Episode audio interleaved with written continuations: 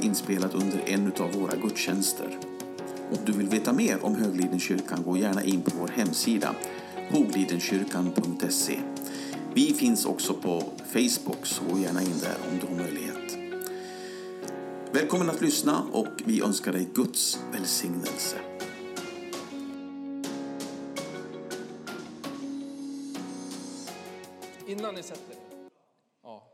Tio burpees var. Nej, nej, nej, nej, nej. Gör en high five med någon då. Gör en high five med någon, eller något oväntat.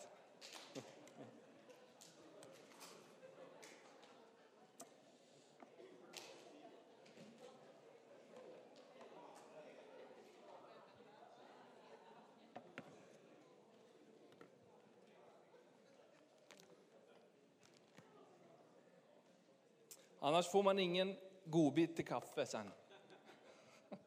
Jo då. All right, vad roligt att vara här igen.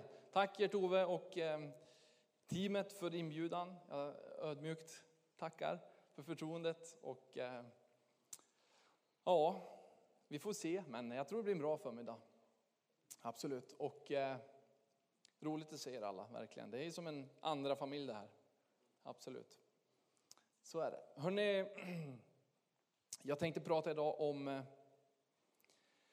eh, platsen i ditt liv där du fattar beslut som förändrar riktningen i ditt liv. Platsen där du och jag gör de här avgörande besluten. Eh, där vi också tar bort alla skal som vi har ibland i livet. Platsen där vi liksom är bara liksom kärnan i vilka vi är på något sätt. Den platsen kallas också i Bibeln många gånger för altare. Eh, ett altare är någonting i Bibeln som är väldigt återkommande och någonting som uppenbarligen Gud tycker är väldigt, väldigt viktigt för oss människor. Och den platsen har den eh, effekten i våra liv att vi beslutar oss för saker och ting. Och vi tar bort alla våra skal. Vi tar bort allt som liksom vi bygger upp. Och, och det är det lite Gud är ute efter också vid ett altare. Att han vill, han vill liksom se oss exakt där vi är och som vi är. Nu gör han det ändå, men han vill också att vi ska komma till den platsen. Så jag tänker prata lite grann om altaret idag. Är det okej? Okay?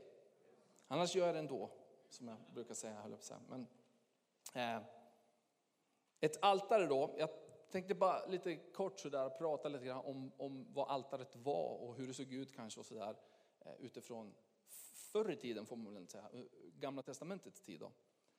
Eh, ett altare då, det är en plats där offer äger rum. Det var vanligtvis en upphöjd plattform med en plan, ganska plan yta.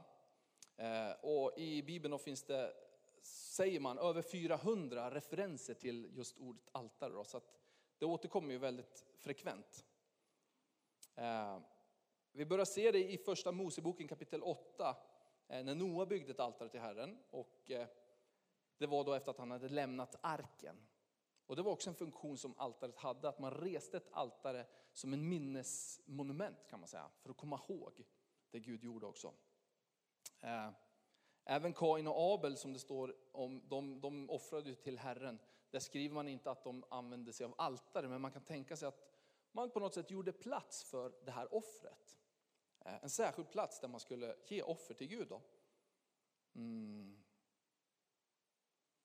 Och ett altare representerade alltid kan man säga, en invigningsplats eller en tillägnan till Gud. Och eh, innan Gud gav eh, lagen till Moses så gjorde man altaren vart man än befann sig. Ute i vildmarken, eller ni känner ju igen det här. Det stod där att ja, den eller den personen reste där ett altare till det som Gud hade gjort. Så det var så man också använde altare, att Gud hade gjort någonting och då ville man resa ett altare till Guds ära på något vis. Och, och, och, mm. Eh, och ibland också beordrade Gud att ett altare skulle byggas efter att han då hade gjort eh, något, någonting mirakulöst. Eh, till exempel 5 Mosebok 27 står om det. Och eh, ett sånt altare ska vara ett minne för att hjälpa framtida generationer också. Eh, att komma ihåg vem Gud är och vad Gud faktiskt gör och har gjort. Ehm. Gud kom och gav anvisningarna för tabernaklet. Vi har koll på ungefär vad tabernaklet var va? Det var ju det, det liksom platsen som Israels folk bar med sig genom ökenvandringen. Eh, det var liksom en ganska stor inhägnad och där inne fanns det också en, en inhägnad och en, i där fanns det ett rum kan man säga som det allra heligaste där man också förvarade arken. Och det där byggde man ner och reste upp vart man än gick och tog man med sig det där. Och, och Gud var väldigt tydlig med att där ska det finnas altare också. Eh, altaret var en otroligt viktig och avgörande, avgörande plats för tabernaklet. Eh, arken såklart var ju enormt viktig också, för det var där Guds närvaro vilade i det allra heligaste. Men för att komma dit in så var man tvungen att använda sig av det här altaret, brännofferaltaret. Då.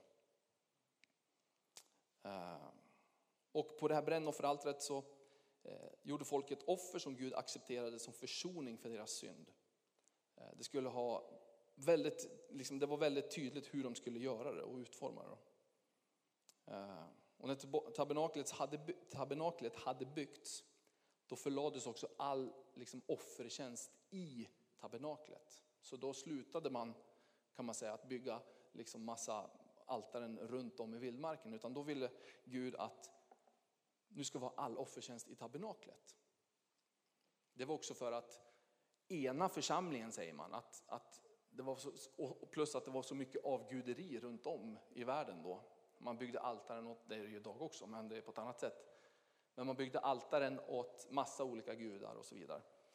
Så då sa Gud att här ska eh, offren ske i tabernaklet. Då. Ehm. Mm. Och som sagt brännofferaltaret, det var ju där de offrade de här djuren egentligen. Det var ju ganska rått kan jag tänka. Jag är glad att vi inte behöver jobba på det sättet idag.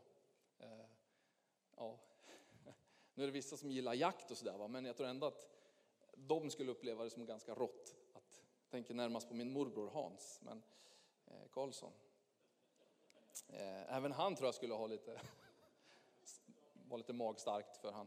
Jag vet inte, men skämt åsido, det var ju en helt annan kultur, en helt annan tid liksom, på, på den, och framförallt hur, hur vi lever våra liv här i, i Sverige idag. Så att, det är ju väldiga kontraster om man säger.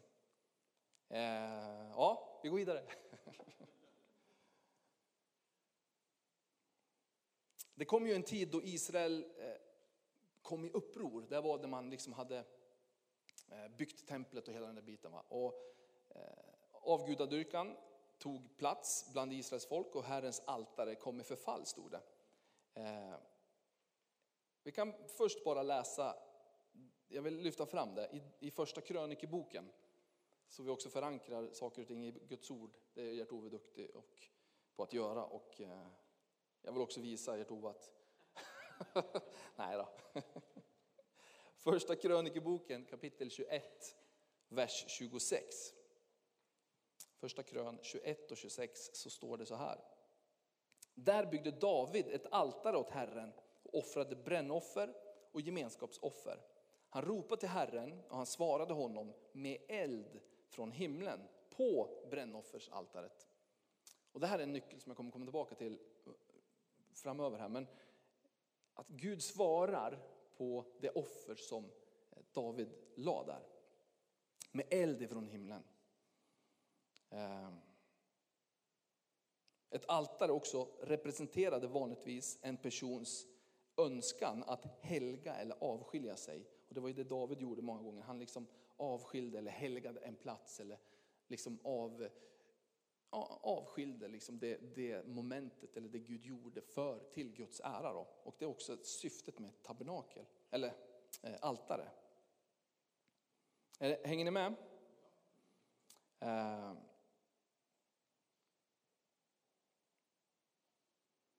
Vi kan se också, om vi tittar på det, att eh, i, i templet när, när eh, i Salomos tempel till exempel. Eh, och, och, då blev ju allting, templet var, vart ju tabernaklets eh, plats blev ju templet sen, en fast plats eh, på ett särskilt ställe i Jerusalem. Då. Eller hur Ove? Ja, bra. Kolla lite med Hanja så här så att det är lugnt. Ja, Så, templet då. Och då vart, det var också, Gud var ju tydlig med hur det skulle byggas, alla detaljer och sådär. Och Salomo skulle bygga altaret, det var en viktig plats, och skulle, det skulle vara av rent guld. Och det är också sådär, tycker jag, en, en viktig detalj som vi ska ta med oss in i där vi, där vi faktiskt lever idag. Att det skulle vara rent guld, det skulle vara det finaste, bästa som egentligen platsen man kan göra då, vara på. Så altaret var absolut en av de viktigaste platserna i, på jorden skulle jag säga. Och är det idag också. Eh, men framförallt i templet där då. Under tiden då av Israels uppror och avgudadyrkan så föll ju Herrens altare i förfall. Och profeten Elia då, som konfronterade Bals profeterna på Karmel, det står att han byggde åter upp Herrens altare som, han, som hade blivit nerrivet. Vi ska läsa om det också, så vi går till första kungaboken. Kapitel 18. Första kungaboken, kapitel 18.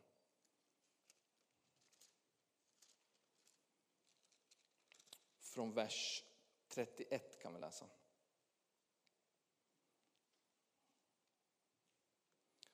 Det blir mindre och mindre text med åren, faktiskt. Nu har inte ens jag fyllt 35, men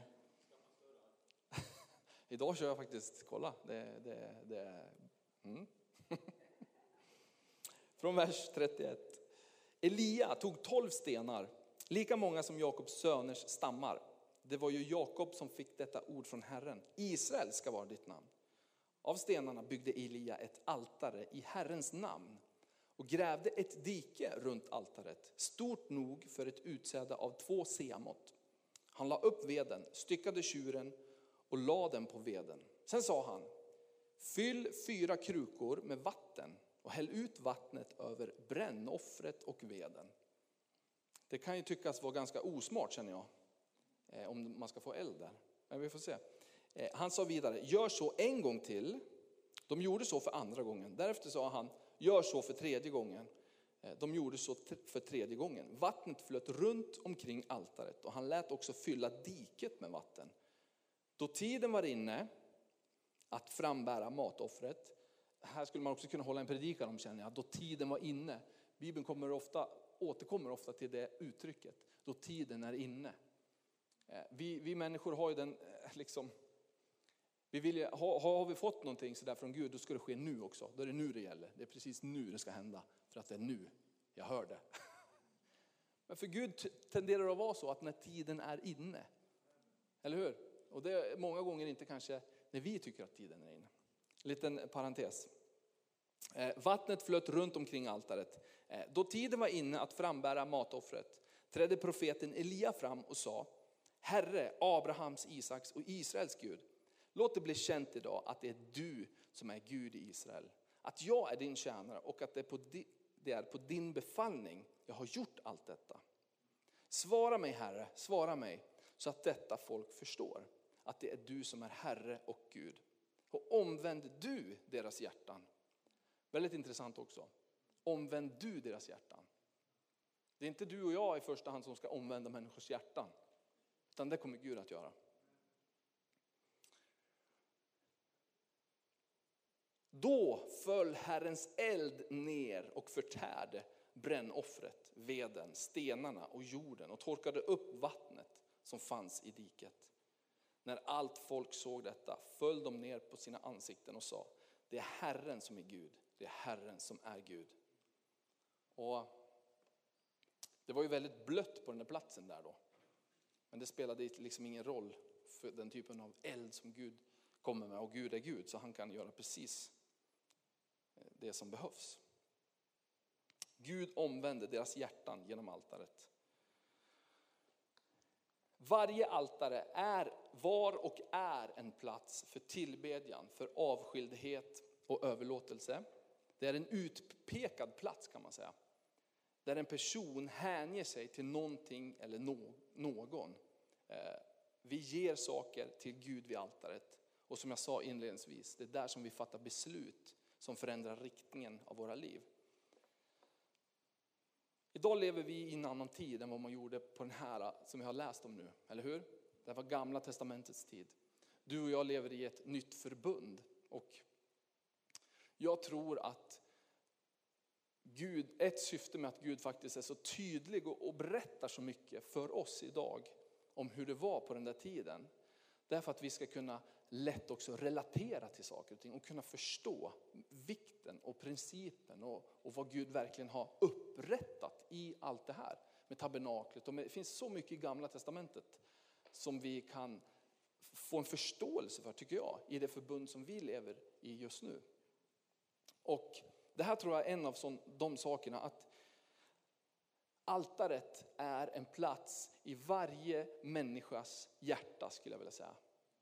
Idag har varje människa en enskild plats. Jag tror att du och jag har det, jag tror att de som inte tror på Gud också har en plats i sina liv där de fattar vissa beslut eller där, de, där det står en strid om just den platsen.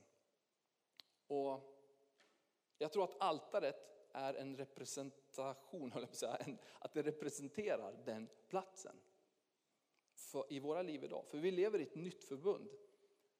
Vi lever i ett andligt förbund. Och Jesus är det totala offret för allting. Det är därför vi inte behöver offra fysiskt på det sättet. Vi behövde rent blod för att överskyla och ta bort vår synd. Och det har vi fått genom Jesus, eller hur? Men det blodet, och det står om i Hebreerbrevet kapitel 13, står om ett större tabernakel där Jesus är idag, där hans blod finns verksamt idag. Och det tabernaklet är inte gjort med händer och, och, och fötter, med människors händer. Utan det tabernaklet, det är i himlen. Och det är verksamt idag. Det var därför Jesus var tvungen att gå dit med sitt blod. För vi behövde blod för att få renheten från synden. Friheten från syndens fäste över oss. Och det är det blodsförbundet handlar om, att Gud har ingått ett blodsförbund med oss människor. Och ibland finner jag mig själv, oss själv, att vi lever i det gamla. Är det någon som har upplevt det någon gång? Ibland kan jag in, liksom se mig själv att nej men, det här är faktiskt det som är, hörde till det gamla testamentet och det gamla innan det nya förbundet kom, liksom blev instiftat. Sen är det aldrig fel att göra saker, att ha, om du vill göra saker fysiskt, alltså vill du ha ett altare i ditt hem, fysiskt, en altarplats. Nu, nu hade vi inget i den här kyrkan Ove, men ibland så står det ju ett altare längst fram i kyrkor och sådär. Eh, och det behövs inte, tror jag. Och det är inte fel att ha det heller. Bara det inte blir just den här vad ska man säga, ritualen eller tvånget tror jag till. För att vi lever inte i det tror jag. Men om jag vill ha ett altare där jag böjer mina knän fysiskt eller liksom skriver saker på en lapp och lägger på det där altaret för jag vill liksom visa för Gud att det här Gud lägger jag nu inför dig. Så jag tror att det är jättebra och helt okej. Okay. Men jag tror inte att det är ett måste om man liksom inte är den typen av person eller vad man ska säga. Jag tror det handlar mycket om det. Hur jag uttrycker mig och hur jag vill liksom göra inför Gud. Den friheten har vi idag. Eller hur? Men jag tror vi behöver tänka in oss i att, att vi kan inte vara låst i det gamla. Utan vi behöver liksom våga ta emot det nya på något sätt. Det tror jag är en viktig nyckel för oss. Och jag tror att allt det gamla, nu pratar jag om de här sakerna med gamla förbundet och gamla testamentet och sådär. Och lagen, se bara på lagen, Gud var tvungen att visa människan rätt och fel. Varför skulle vi behöva lagen? Jo, för vi behövde se och vi behövde förstå att vi behöver bli räddade ifrån någonting. Vi kan inte hålla alla de här buden i oss själva. För vi är, liksom naturen är fallen genom syndafallet, eller hur? Så Gud var tvungen att visa, skriva ner lagen och visa genom hela gamla testamentet alltså vad det innebär. Vad, det här, vad som har hänt egentligen. Eller hur? Och att vi i oss själva inte kan frälsa oss själva på det sättet. Utan vi behövde Jesus. Så jag ville bara liksom också uppmuntra till det, att, eh, eller vara vaksamma på oss själva, att vi inte är låst i det gamla på något sätt. All right. Ja, liksom, vi spelade innebandy på jobbet här häromdagen. Och det känns här fortfarande känner jag. Oj, oj, oj. Innebandy är en sån där sport också som det är ju sämsta möjliga liksom, för rygg, ryggslutet sådär. Är det någon mer än jag som upplevt det eller? Nej. Ja. Och så ska det ju inte vara några regler direkt heller. Så att... Och så var det aspiranter Per Svärd på plats där så vi var ju tvungna att visa ändå lite då. Ja. Vem som liksom, ja, men bestämmer lite grann då här på station. Jag har gått tillbaks till polisyrket för övrigt eh, i Sundsvall då. Jättekul, trivs så bra eh, sen i januari då. Så det känns jättekul. Mm.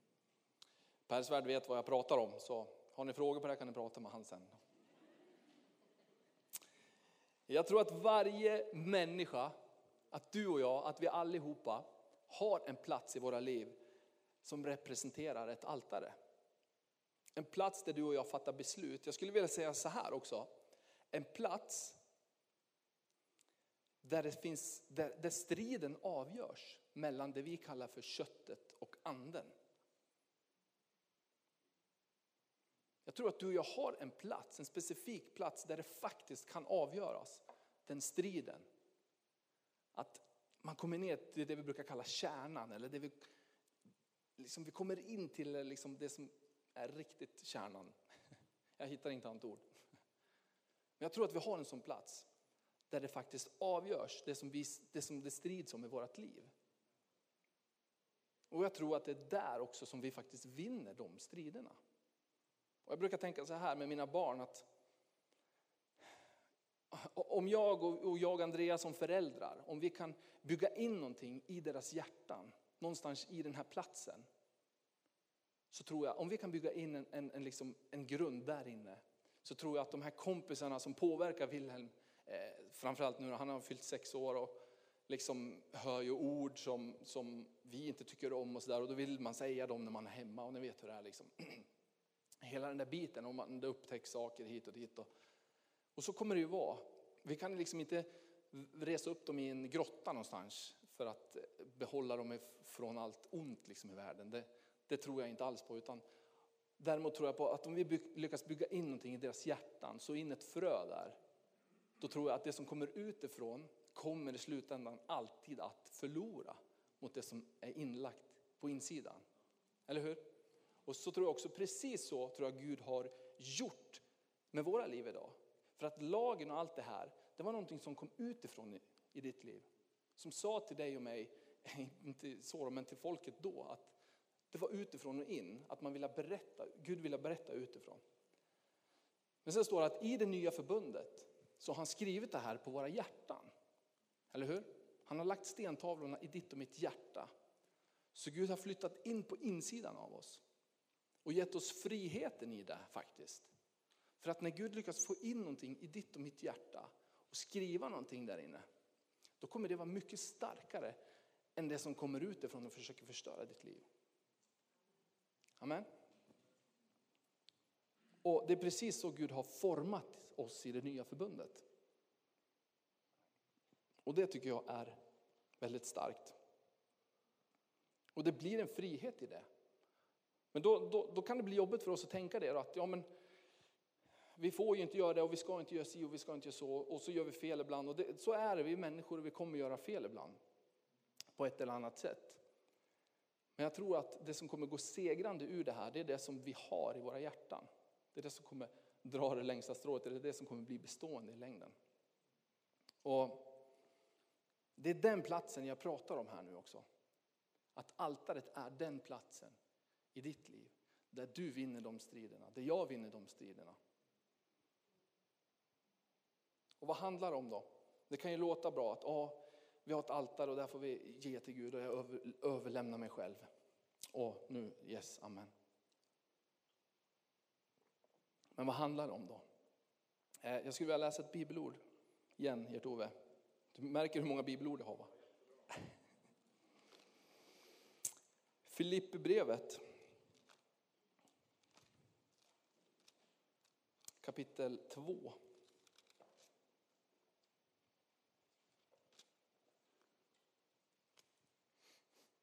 Filipperbrevet kapitel 2, vers 17. Så står det så här då att ja, även om mitt blod blir utgjutet då ni bär fram er tro som offer är jag glad och gläds med er alla. Han pratar om att vi bär fram vår tro som ett offer. Och det står även i Romarbrevet kapitel 12 och som jag var inne på tidigare, Hebreerbrevet om vår andliga gudstjänst. Känner ni igen det? Bibeln pratar, det nya testamentet framförallt, pratar en hel del om det här, att vi har en andlig gudstjänst och andliga offer. Och här ser vi att vi bär fram vår tro som ett offer. Och jag tänker så här att när jag, när jag har mina stunder med Gud och när jag är vid mitt altare. Och hur är man där då? Och det här är en högst personlig grej, men för mig är det bästa sättet, ett, en av de bästa sätten, jag har två jättebästa sätt. Det ena är det att när jag åkte hit nu, eh, en timme nästan, och, och köra hit i bilen. Helt fantastiskt och liksom bara inga barn höll jag på att säga, men det är lugnt och det är skönt sådär. Och nu hade jag jättegärna velat ha dem med, men det gick inte att få till här för ja, William ska på fotbollsträning och det var annat som skulle prioriteras. Så nu fick jag ha det sagt också. Men, men, så är det. Men det tycker jag är ett fantastiskt sätt att få vara vid mitt altare och Herrens altare. Att i bilen bara slå på lovsång, ingen som gnäller hur högt det är eller någonting sånt. Sen är det också att faktiskt få stå på mina knän hemma. Nu, nu just idag så tar vi det lugnt med det. Nej då. Liksom. Det är bättre att falla rakt då kanske. så. Det är också ett fantastiskt sätt för mig personligen, för det gör någonting med mig. Jag gillar att böja mina knän, för att det gör någonting med mig. Det är inget måste. Jag kommer, jag kommer komma till himlen ändå, det tror jag absolut. Men för mig är det en, ett bra sätt. Jag tycker om det, för det gör någonting med mig också som person. Och precis när vi, vi fysiskt så uttrycker vi saker, när vi lyfter våra händer. Det är inte att vi är tvingade, och nu står det i texten att jag gör det, och absolut, då, då kan man haka på, det är en bra grej. Men det är liksom inte det yttre som säger till mig på det sättet, utan det får vara någonting som kommer inifrån och jag vill uttrycka någonting till Gud. Så att vara vid mitt altare, det, de grejerna gillar jag. Att bara få böja mina knän och vara stilla och vara med Gud. Och det är den platsen jag pratar om här. Och jag tror, precis som vi läste här, att det handlar om att släppa kontrollen till Gud. Det handlar om att släppa kontrollen till Gud. Det är jättejobbigt för oss människor många gånger. Vi får frambära våran tro som ett offer till det här och vi får släppa kontrollen till Gud. Det tror jag är något som vi har jättesvårt för många gånger. Oavsett vad det gäller. Om det gäller våra gudstjänster, om det gäller vår ekonomi, om det gäller vårt arbete. Det kan vara vad som helst. Att känna att man, jag, jag, jag vågar släppa kontrollen här. För jag litar faktiskt på att Gud är Gud. Och i min tro då får bli offret. Det blir tron får man lägga fram som offret. Men min övertygelse, och jag kan vittna om ett antal solklara tillfällen när man har fått gjort det. Så kommer Gud med sin eld också då, som vi läste om. Guds eld får komma där och sätta någonting i brand som jag inte faktiskt hade klarat av riktigt i min egen kraft och kontroll. För då hade det inte blivit lika bra. Men att i tro få släppa kontrollen och vänta kanske. Och gå igenom en prövning kanske. Men att få se sen att pang, oavsett, och så kan det vara för dig och mig idag också. Oavsett om vi kommer hit med ett totalt genomblött altare. Ditt altare kanske känns så idag. Att det är blött. Du kanske har lagt på gammal ved där. Men sen har det kommit massa vatten. Det har bara runnit vatten. Det ligger där och du känner att nej, jag kommer aldrig kunna få eld här igen. Ibland hittar vi oss i de situationerna. Och vet du vad det bästa är? Det enda vi behöver, precis som Elia gjorde, från ett ärligt hjärta, en ärligt hjärtas bön eller rop. För det var det Elia hade, eller hur? Han bad till Gud från ett ärligt hjärta. Gud visa du vem du är. Omvänd du deras hjärtan Herre. Vad det än gäller så kommer det ett ärligt rop från ditt hjärta. då kommer Guds eld att komma. Oavsett hur ditt altare ser ut idag. Det är någonting som det här talar till mig om, den här berättelsen, bland annat. Och du kanske står där idag också att du känner liksom att och det här och det här, det måste liksom bli någon ordning på det här. Och ska jag våga göra det här? Ska jag våga släppa det här? Eller ta det till Guds altare, till ditt altare med Gud. Lägg det där. Så lovar jag dig, jag lo, vågar lova dig, för Bibeln lovar det också. Att Gud kommer komma med sin hand, han kommer komma med sina lösningar. Oavsett hur det ser ut. Och jag tror att det handlar många gånger om att släppa kontrollen. För vi vill, många gånger tror jag att vi vill kontrollera det som sker för att vi är rädda för vad andra ska tycka. Kan det vara så? Att jag vill, jo men den här och de tänker nog så här, så att ja, vi gör så här nu så blir det lagom och så blir det nog ganska bra sådär. Men jag tror att vi måste våga där någonstans. För Gud är den som omvänder hjärtan. Du vet när när människor får se, och den här sången, alla sånger vi sjöng var fantastiska tycker jag. För när människor får se att ditt altare brinner, när människor fick se altaret Elia hade gjort, och när Guds eld fick ta tag i det, då omvände Gud deras hjärtan. Och jag, det är min totalt fasta övertygelse att du och jag som Guds barn, som kristna, som troende, är kallade att ha ett brinnande altare i våra liv. Och när vi har det så kommer människor runt om dig att se att det är någonting som brinner hos dig, som inte brinner hos dem. Amen. Och jag tror att den elden som är, kommer från Gud, och vad är det då? Ja, det kan vara att du är otroligt glad, du har frid. Jag ser någonting, det är ett ljus i dig. Dina ögon är som att de lyser. Det finns någonting hos dig som jag bara dras till så här. Din ande, den verkar liksom vara levande på något sätt. Ja, men får du börja berätta där att det är Guds eld. Kanske du inte säger, det beror på hur du säger det. För Gud har gett oss en hjärna, han har gett social kompetens va? i olika mått. Och du känner dina vänner bäst. Så om jag tycker att du är nördig när du pratar med dina vänner så det är säkert jättebra. För du kanske tycker jag är nördig på mitt sätt när jag pratar med mina vänner, eller hur? Vi är olika så. Och det är jättebra, Gud har skapat oss så. Men jag tror att det är där som många gånger det sker. Och jag kan jag också vittna om människor som kommer fram till mig och säger så här, ah, jag tror jag ska ta och bli, bli, krist, ta och bli kristen jag också Markus. Du verkar vara så härlig och glad jämt. Och. Ja, absolut, du kan ju försöka. Nej, absolut inte säger jag. Men, eller hur? Det är ett kvitto känner jag ändå. Ja, och jag har inte gjort någonting. Jag har inte varit den som i mitt liv har varit liksom den här som jag kanske inte borde heller ha varit, jag vet inte. Men jag har inte varit den i alla fall som alltid bara ska ta varje tillfälle i akt och berätta det här sanningens ord från Herren till dig här nu om saker och ting. jag har inte varit den personen utan jag liksom, jag vet inte.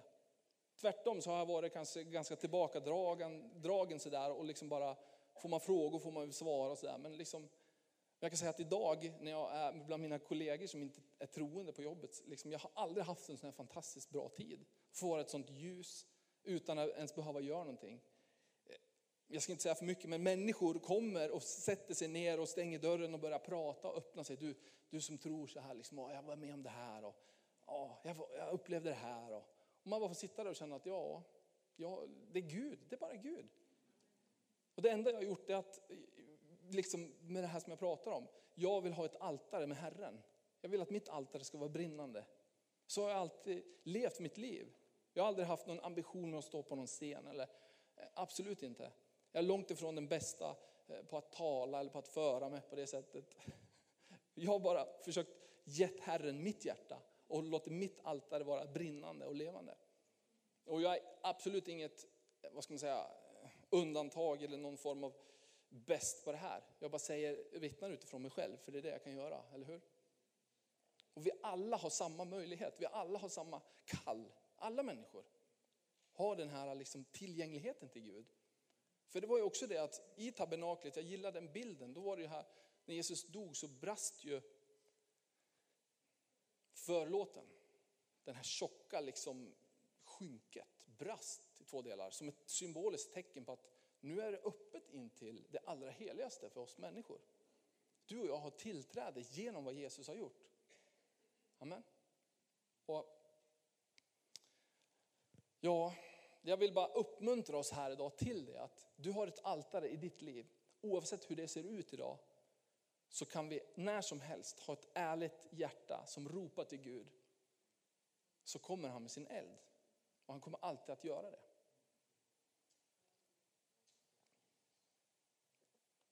Och som sagt, det behöver inte vara idag en fysisk plats. Det behöver inte idag vara en fysisk eh, så. Men jag gillar ändå symboliken i saker och ting. Och så länge man kan ha det, att det här kommer från mitt hjärta så spelar det ingen roll hur, om jag har, som jag sa, ett fysiskt altare eller någonting. Jag gillar ju verkligen också placeringen av den här kyrkan, Höglidenkyrkan. Eller hur? För ofta var det så med ett altare att det var, det var upphöjt också. Det var upphöjt sådär och en plan yta så att man kunde göra de här grejerna där då. Eh, offra och så. Och att det skulle kunna synas och sådär. Jag tror att vi också kan dra symboliken till en församling. Absolut, att det här får vara en plats, det här får vara ett altare inför Guds ansikte. Där människor bara får möta Gud, där människor får erfara honom, där människor får skåda på berget. Att det är någonting över högliden där uppe alltså. Det är någonting där. Det är som en, en rökelse på något sätt som stiger där. Människor kanske inte fysiskt ser det. Men man, vad ska man säga, man, man liksom anar det lite grann så. Jag tror att det kan vara så. Absolut. För det som sker i det andliga, det påverkar också det man upplever i det fysiska. Eller hur?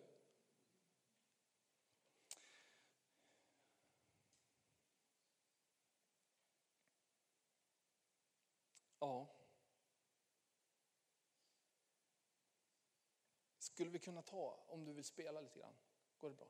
Bara spela lite grann, sen kan vi ta den där sången sen också. Eh, och som jag sa tidigare, att även om vårt altare idag har, om ditt altare har slocknat och du känner det att nej, jag, jag har liksom, jag vet inte, men jag har liksom inget direkt fart på grejerna här. Det är fullt med vatten eller det är blött och folk säger så här om mig och det kan vara mycket som påverkar de här sakerna, absolut. Och vi, hur, jag kan säga så här, hur långt ifrån vi än känner oss från Gud och från så, så jag menar det, det, han är aldrig långt borta. Det är aldrig långt ifrån. Och Gud kan på, när tiden är inne, då kommer han sätta sin eld i det som vi ber honom om. Jag tror det, jag är helt övertygad om det. Och vi kan väl bara sluta våra ögon så kan vi väl tillsammans bara be en, en bön till Gud om att Ja, Fader, vi tackar dig Gud. Vi ärar ditt namn Jesus. Herre, du känner oss var och en, du ser oss Herre. Det här handlar inte om, om våra vänner eller någon annan, inte ens min man eller min fru, utan det här handlar om mig Herre. Det här handlar om personligen, var och en Herre. I den här stunden så bara ber jag Gud att du kommer med din frid bara. Kom med din frid Herre. Kom med din närvaro Gud. Jag ber att du lägger på våra hjärtan dina tankar och dina vägar i var, var och en av oss Herre. Jag ber Herre att din eld ska få blossa här idag Fader. Din eld på vårt altare ska få ta fyr Herre. Om vi är i den situationen där vi hittar oss själva att det är helt blött och, och torrt eller det kan vara vad som helst, att det inte brinner i alla fall Herre. Så ber jag att du kommer just nu med din eld Herre. Och även om det är en tynande låga Gud så är ditt löfte att du kommer inte släcka den tynande lågan Herre. Utan du kommer komma med syre och med frid och bara blossa upp där Herre. Jesus vi tackar dig för vad du har gjort Herre. Tackar dig för vad du gör idag. Tack att ditt blod är verksamt Herre. Jesus vi upphöjer dig. Du är kungars kung och herrars herre.